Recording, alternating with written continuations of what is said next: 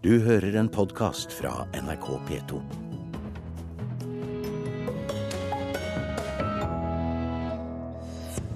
Ny skolearkitektur fratar barn dagslys. Vi eksperimenterer med elevene våre, mener arkitekturforsker. Bystyret i Bergen vedtok kinosalg i går, selv om nye eiere trolig vil selge aksjene på nytt om noen år. Og kulturpersonligheter i Frankrike tyr til nettet for å protestere mot krigen i Syria. Du hører på Kulturnytt med Birger Kolsrud Aasund i studio. Moderne arkitektur kan gi slitne barn som lærer dårligere. De nye skolene slipper inn for lite dagslys, viser ny forskning. Du får jo lyset inn herfra, i hvert fall, så du får noe dagslys.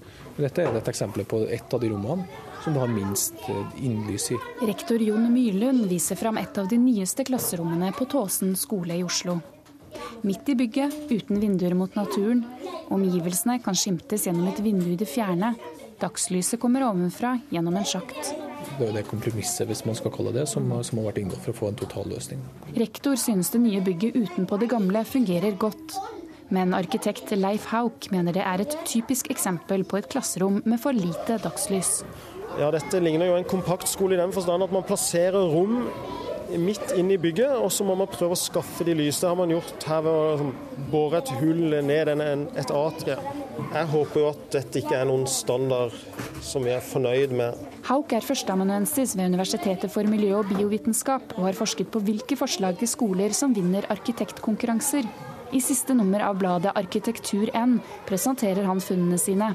Sju av ti vinnerskoler gir barna mindre dagslys enn skolene som ble nedstemt de hadde nesten gjennomgående lavest verdi. De vant i å ha dårligst verdi på dagslys. Det hadde jeg ikke forventa. Nye skolebygg er energieffektive, men de kvadratiske skolene går på bekostning av lyset, sier Hauk. Det skyldes at ved å lage dype rom og lite dagslys, så sparer du energi. Du får korte interne avstander, du får lite fotavtrykk av bygget på tomt, og du får større skolegård, får en mer økonomisk bygg. Så alt er vel og bra med det.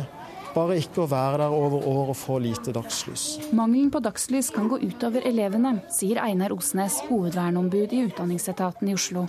Han har fått mange klager fra lærere og elever på nyere skoler. Det de klager på er at de ikke har dagslys, at de blir mer slitne av å ikke ha dagslys. At de ikke klarer å konsentrere seg så godt og, og blir, blir, fortere slitne i løpet av dagen. Kravene til energisparende bygg har mye av skylden, mener Hauk. Byggeforskriften TEK10 som blir innført i 2010, krever bare 2% dagslys midt i rommet. Det er et minimumskrav. Og vi ser at i andre land som vi sammenligner oss med, så er det høyere. Østerrike 4-5% England har en anbefaling for skoler som går på 5% Hauk mener vi må tenke på hva slags skoler vi tilbyr barna. Jeg tror det er på tide med en dialog om hva vi egentlig vil, og, hva, og hvorfor vi vil det. Det kan òg være at vi eksperimenterer med elevene våre.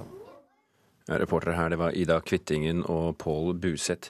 Morten Lie, direktør i Direktoratet for byggkvalitet. Eh, vi eksperimenterer kanskje med barna våre, sier Hauk her. Eh, er det så galt? Nei, jeg syns ikke det. Men jeg syns det er en veldig interessant forskning å komme med, og det er gode resultater. Og vi er jo opptatt av å få mer kunnskap om dette. Når du sier gode resultater, hva tenker du da? Det er mer kunnskap, rett og slett. Eh, det er jo ikke sånn at vi har endret reglene nå i TEK10 på dette området. Dette er regler som har vært veldig lenge.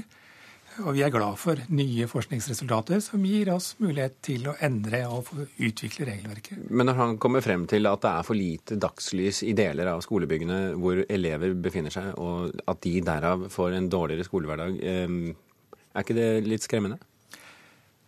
Jo, det kan man si, men samtidig så er det sånn at sett fra et regelverkssynspunkt så er det sånn at vi kan ikke regulere alle forhold ned i detalj. Eh, det vi er opptatt av, er jo at vi har et minimumskrav, og at vi oppfordrer byggherrer, eh, arkitekter, prosjekterende ingeniører til å tenke nøye gjennom balansen mellom de ulike hensyn. Og det er åpenbart at det kan være motsetninger eller dilemmaer mellom ulike kvaliteter og miljø, f.eks. Sånn som her, lys og energi. Ja, det kan være utfordringer, men vi har sett eksempler på at det kan løses på gode måter. Men her er det altså en forskning som viser at sju av ti vinnerskoler, altså det er disse som vinner arkitektkonkurransene han har sett på, sju av ti gir barna mindre dagslys enn skolene som ikke nådde opp i konkurransen. Ja, og han peker vel på noe av grunnen til det. Eh, nemlig det at man har altså byggherrene i programmene, i, i konkurranseprogram, har prioritert energieffektivitet, kostnader, eh, arealeffektivitet, kanskje framfor eh, dagslys. Eh, og det er jo på en måte noen, noen valg som byggherren må ta. Og jeg tror at denne forskninga kan gi byggherrene bedre grunnlag for å stille gode krav til skolebygg. Jeg tror sånn sett at det er viktig, viktig forskning. Nå ble det jo nevnt her at uh, det er 2 eh, dagslys uh, som er kravet i norske byggforskrifter. Det høres veldig lite ut, men det er sikkert, sikkert greit. Uansett så har altså eksempler fra f.eks. Østerrike. Der er det 5% Hvorfor har vi to og de fem? Jeg kan jo ikke si så mye om hvorfor de har fem. Eh, men jeg tror han sa at det er enkelte andre land som anbefaler mer. Eh, og det er jo sånn at eh, minimumskravene er noe annet enn anbefalinger i en del land. I, England så er det anbefalinger, mens minimumskravene er lavere. Men er det ikke din erfaring også, og nå legger jeg for så vidt ordene i munnen på deg, at når når man har minimumskrav, så vil også mange gå helt ned til minimumskravet? Jo, det er en fare for det, og det er derfor vi i Norge har det vi kaller eh, funksjonsorienterte krav. Altså Vi sier at det skal være tilstrekkelig lys, det skal være tilstrekkelige kvaliteter. Det betyr at vi overlater i det norske systemet til arkitektene, byggherrene, ingeniørene å finne ut hva er det som er riktig i dette tilfellet. Og det er klart at Skoler har et større grav, klasserom har et større grav til dagslys enn en del andre bygg. Så hvis vi setter vi, vi, vi, Jeg tror ikke vi klarer å regulere oss til kvalitet. Men bør byggherrer og arkitekter jobbe mer med å få dagslys inn i skolene? Ja, jeg syns at byggherrer og arkitekter og de som planlegger skoler, må være veldig bevisste alle de tingene som Det går jo på lys, det går på innemiljø, inneklima i form av luft og alt det der. Eh, så det er mange andre ting som også påvirker barnas læringsmiljø. Og det er veldig bra at det forskes på dette. Morten Lie, direktør i Direktoratet for byggkvalitet, tusen hjertelig takk for at du kom til Kulturnytt.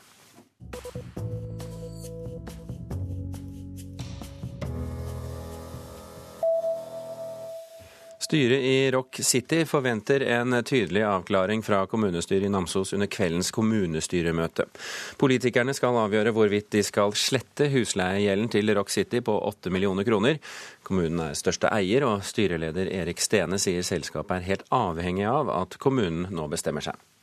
Det er kjempeviktig for oss at vi eh, på torsdagen opplever å ha et kommunestyre, og altså en eier, som er tydelige på hva de vil med oss, eh, og ikke bare kortsiktige eh, løsninger. Men nå har vi levd i en, eh, i en situasjon med kortsiktighet lenge nok. Og da er det egentlig det viktigste for oss at kommunen bestemmer seg hva man vil. Færre enn tidligere antatt må sies opp på Munch-museet, skriver Aftenposten. Planen er fremdeles å redusere bemanningen med 15 årsverk, men ledelsen mener frivillig avgang og kutt i prosjektarbeid gjør at færre nå må sies opp. Astrup Fearnley-museet i Oslo vil ha pengestøtte fra Kulturdepartementet. Etter at museet flyttet inn i nytt bygg på Tjuvholmen, har driftsutgiftene mer enn doblet seg. Huset er dyrere å drive, og det høye aktivitetsnivået koster mer enn først antatt, skriver Dagens Næringsliv. Museet har siden starten i 1993 ikke mottatt eh, statlig støtte, og skulle søknaden om 7 millioner kroner bli godkjent, kommer pengene uansett tidligst neste år, ifølge departementet.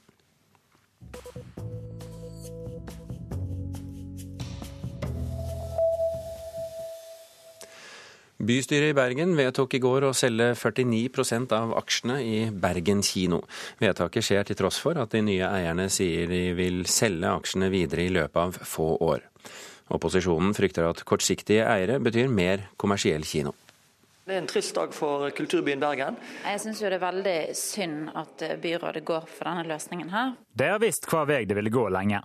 Men i går måtte Arbeiderpartiet, Venstre og de andre opposisjonspartiene i Bergen konstatere at nesten halvparten av aksjene i Bergen kino blir solgt. Det støttes av Fremskrittspartiet, Kristelig Folkeparti og Høyre og får flertall. Og da er saken ferdigbehandlet. Vedtaket ble i går klubba gjennom med 35 mot 32 røyster. Sjøl om de nye eierne til SF Kino AS vedgår overfor svenske Dagbladet at de har planer om å selge aksjene videre i løpet av få år. Nå blir Bergen kino en del av en gryende kommersiell europeisk kinokjede som har finansielle mål. Gruppeleder i Arbeiderpartiet, Harald Kjeldrup og en samla opposisjon mener kortsiktige eiere vil skade kinoene i Bergen. Det vet jo vi på sikt vil være å prioritere de kommersielle filmene fremfor kvalitetsfilmene. Det tror ikke vi vil gagne bergenserne og eh, filmtilbudet på sikt. Det å tjene penger på bacon crisp og popkorn, det er ikke en kommunal oppgave. Denne saken handler ikke om strukturering av smågodtsalg. Den handler om å selge 49% av det bredeste kulturtilbudet som Bergen har. Selv om kinodebatten har rast i flere år i Bergen, ble det heftig og høylytt debatt i bystyret i går. 51% gir nemlig veto. Sånn er det også her. Ser ikke høyresiden hvilket kommersielt edderkoppnett som nå spinnes? Og ja, dette er en hurradag for Bergen kino. Det blir bedre kinotilbud for eh, de som går på kino. Kulturbyråd Gunnar Bakke fra Fremskrittspartiet ser det ikke som problematisk at selskapet som nå kjøper 49% av kinoaksjene, kan skifte eier igjen om få år. Et sånt marked som Kina driver, så er det ofte eh, markedet som, som rår. Og eh, da blir ofte aktører i Norge små. Så at det inngås da internasjonale allianser som har styrke og kapital til å utvikle kinomarkedet, da ser jeg på som noen trussel. Snarere tvert imot. Vi er bekymret for at eh, kinotilbudet vil bli dårligere med en minoritetsaksjonær som da ikke sitter med noe ansvar for eh, kvaliteten og tilbudet på kinoen, men som samtidig selvfølgelig vil ha en hånd med på det som skjer, og vil sikre sine inntekter og ønsker å tjene penger på dette. Og reporter i denne saken, det var Sølve Rydland. Klokken er drøyt 17 minutter over åtte. Du hører på Kulturnytt, og dette er toppsaken i NRK Nyheter akkurat nå. Det er bekymringsfullt at kreft og hjertesyke blir behandlet privat, sier professor i helseledelse. Og heroinsmuglerne føler seg trygge på å ikke bli tatt, ifølge politiet. Bare 3% av heroinen som blir forsøkt smuglet inn i Norge, blir stoppet. Om litt eh, anmelder vi den nye norske filmen 'Eventyrland', som vår anmelder ser på med blide øyne. Men vi skal til eh, Frankrike først. Rockestjernen Patti Smith er nemlig en av flere kulturpersonligheter som nå tyr til nettet for å protestere mot det syriske Assad-regimet. Kampanjen Stopp konflikten i Syria organiseres av ulike menneskerettighetsorganisasjoner, og på den franske videodelingstjenesten Daily Motion får Patti Smith selskap av artistkolleger, dirigenter og en tidligere VM-vinnende fotballstorhet. Cela fait déjà deux ans que des femmes, des hommes et des enfants det har redan gått två år som kvinnor, män och barn kämpar för frihet i Syrien. Vidrigheterna måste avslöjas. Det säger den världsberömde fotbollsspelaren Lilian Thuram i en video som nu visas på Daily Motion. Idrottsstjärnan protesterar på detta vis mot Assad-regimen i Syrien. I videon håller Thuram upp budskapet stopp Bilderna visar naket upp våldet i kriget som sedan två år kan ha krävt ungefär 70 000 människors liv enligt FN. I kampanjen, som organiseras av olika människorättsorganisationer, deltar ett 20-tal präster, politiker och kulturpersonligheter. Bland dem är amerikanska rocksångerskan Patti Smith, den som är mest känd i Norge. Men här finns även fransk-brittiska artisten Jane Birkin. Kampanjen mot konflikten i Syrien kommer samtidigt som Frankrikes François Hollande tillsammans med Storbritanniens David Cameron vill häva EUs vapenexportförbud till Syrien. Man vill istället få till ett vapentillstånd som ska gynna oppositionen. Syriska filmregissøren Hala Abdallah stödjer oppositionen og lever i eksil i Paris. Hun er aktuell med filmen As if we were catching a cobra jag träffade henne under en stödaktion vid byggnaden Pantheon i Paris.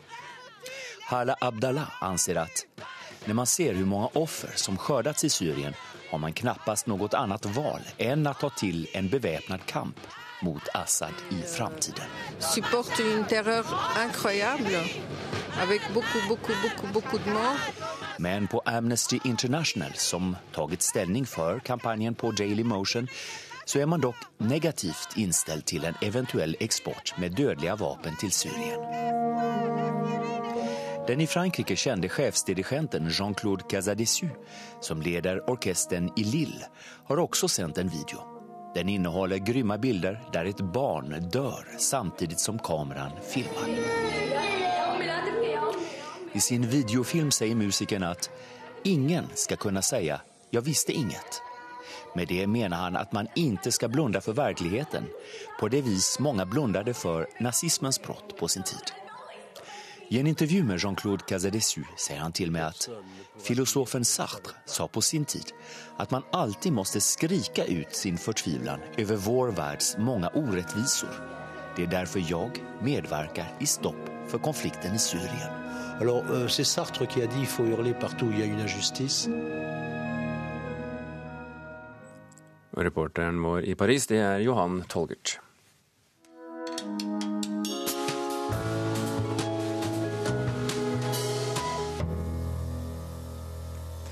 Det er premiere på filmen 'Eventyrland' på kinoer over hele landet i morgen. Og det er en ny film fra Stavanger-miljøet, dette her.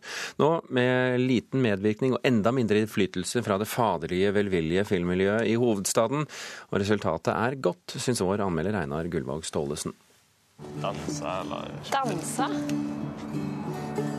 Legger du an på meg? Kanskje. Dette er Silje Salomonsen. Hun er god. Hun har hovedrollen. Filmen fotograferes av Arild Østin Ommensen. Han er både fotograf, manusforfatter, regissør og produsent, og Silje Salomonsens mann. Det er mye familie innblandet. Forrige gang Ommensen presenterte spillefilm, 'Rottenetter', ga han klart uttrykk for at produsenter og finansieringskilder blandet seg for mye. I Eventyrland har Are Løstin Ommensen kontrollen selv. Det har gitt en film med stil. Jeg tror vi kan kalle det personlighet også. Den er i hvert fall en film med særpreg. Han demper ned historien, han underspiller konfrontasjoner. De sosiale bildene er reflekterende og utfordrende, og fri for føleri. Den på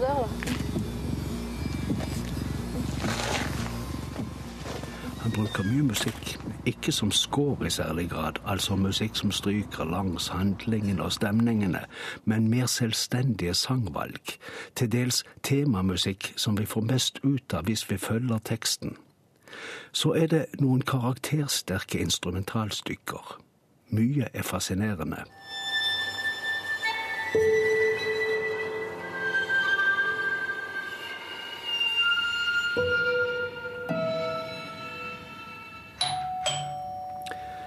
Silje Salomonsen er småbarnsmoren Jenny som er fratatt den daglige omsorgen for datteren sin. Hun snublet inn i et kriminelt miljø en gang. Hun hadde et rusproblem. Så snublet hun igjen, eller miljøet satte krokfot på henne. Hun og kjæresten ble bedt om å hente en bag på et gartneri i nærheten. De visste ikke at det var et ruvende parti med hasj eller annet stoff i vesken, og at flere grupperinger var interessert i den lasten. Han sa han hadde gjemt en liten pose med hasj. Hvorfor er faen ikke hun her sjøl? Jeg vet ikke. Historien er grei nok. Den er ikke det viktige her. Det er Jenny og hennes utfordringer det dreier seg om. Hun får ikke tilbake omsorgen for sin datter uten leilighet med vann i krana. Hun får ikke vann i krana og skikk på boligen uten lån. Hun får ikke lån fordi hun har sittet i fengsel med mindre saksbehandleren i banken en kamerat fra barneskolen som har vært avstandsforelsket siden den gang. Eventyrland heter filmen og historien. Tittelen legger et ironisk filter over alvoret. Det virker riktig. Vi har fått enda en god norsk film.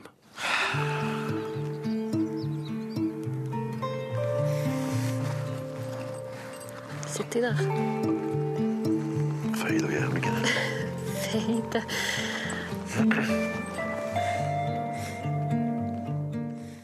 Og i Mørkets opplevelser her på P2 klokken 19 anmelder Einar Gullvåg Staalesen hele åtte premierefilmer som vi skal ha med oss inn i påsken. Og påsken blir ifølge Einar særdeles god hvis vi velger de riktige filmene.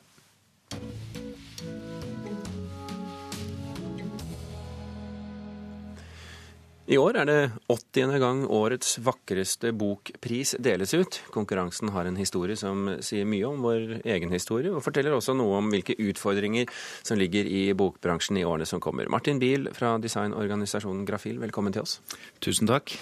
80 år, er det egentlig et jubileum å feire? Definitivt. 80 eh, år er lang tid. Eh, og i dag er det julaften for alle designere alle bokelskere, alle som er glad i bøker, som er fine å se på, fine å ta på. Fine å Du Kliner til nå? Ja, ja. Det, vi er høystemte i dag, altså. Og du må huske på det at eh, i, hvert år så deles det ut nesten jeg tror, jeg tror det er en mellom 50 og 60 priser i bokbransjen. Eh, alle sammen går til forfattere, forlag, bokhandlere. Og så er det én pris til formgiverne. Og Derfor så er den, denne prisen her så viktig, og har overlevd i så mange år, tror jeg også. Og Derfor så, så har vi på, på, oss bunaden i dag. Så det, i dag er det en stor dag. Men du er litt opptatt av eh, bokprisens historie. Og, og, på hvilken måte kan den, eh, altså årets vakreste bok sin historie, også være en fortelling om vår egen historie? Ja, det er interessant fordi det var en boktrykker, en norsk boktrykker som reiste til USA, kom tilbake igjen på 30-tallet, startet det, det, magasinet som het Norsk Trykk.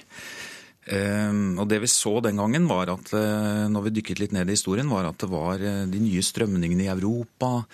Det var den nye typografien. Det var også en, en slags nasjonalsosialisme også i dette. Eller ikke nasjonal, nasjonalromantikk, kanskje.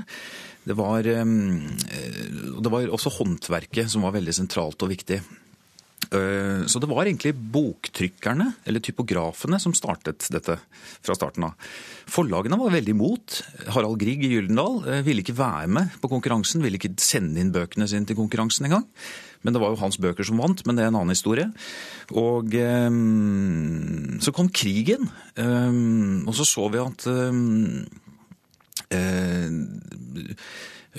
Nazistene tok over konkurransen, sparket juryen. Eh, ikke sant? Eh, man prøvde å Samme, samme historien som for så vidt fortelles i mange ja, organisasjoner. Ja. Ikke sant? At man prøvde med den innflytelsen. Og så ser man da etter krigen, utviklingen ja, 50-60-tallet, og så ser man at formgiverne har kommet mer og sterkere inn. da, At vi har fått altså grafisk design som et, som et fagområde er jo, er jo sånn sett et nytt fagområde.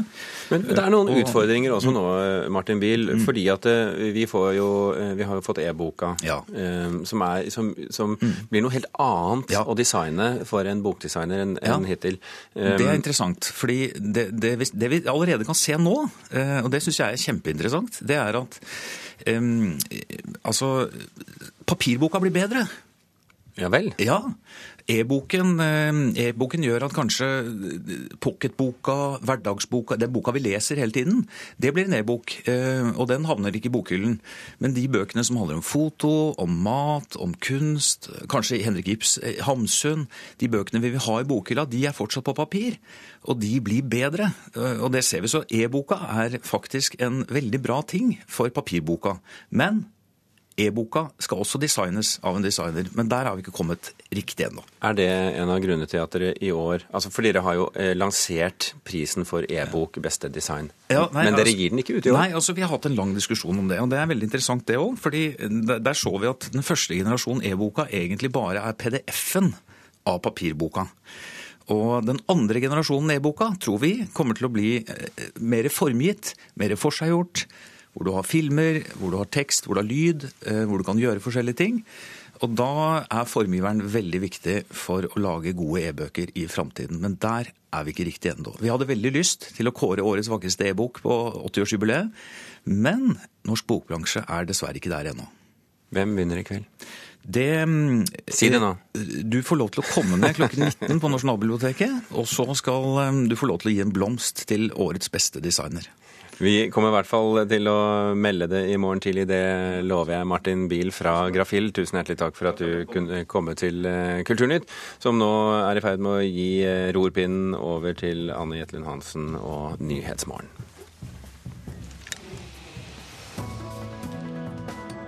Du har hørt en podkast fra NRK P2.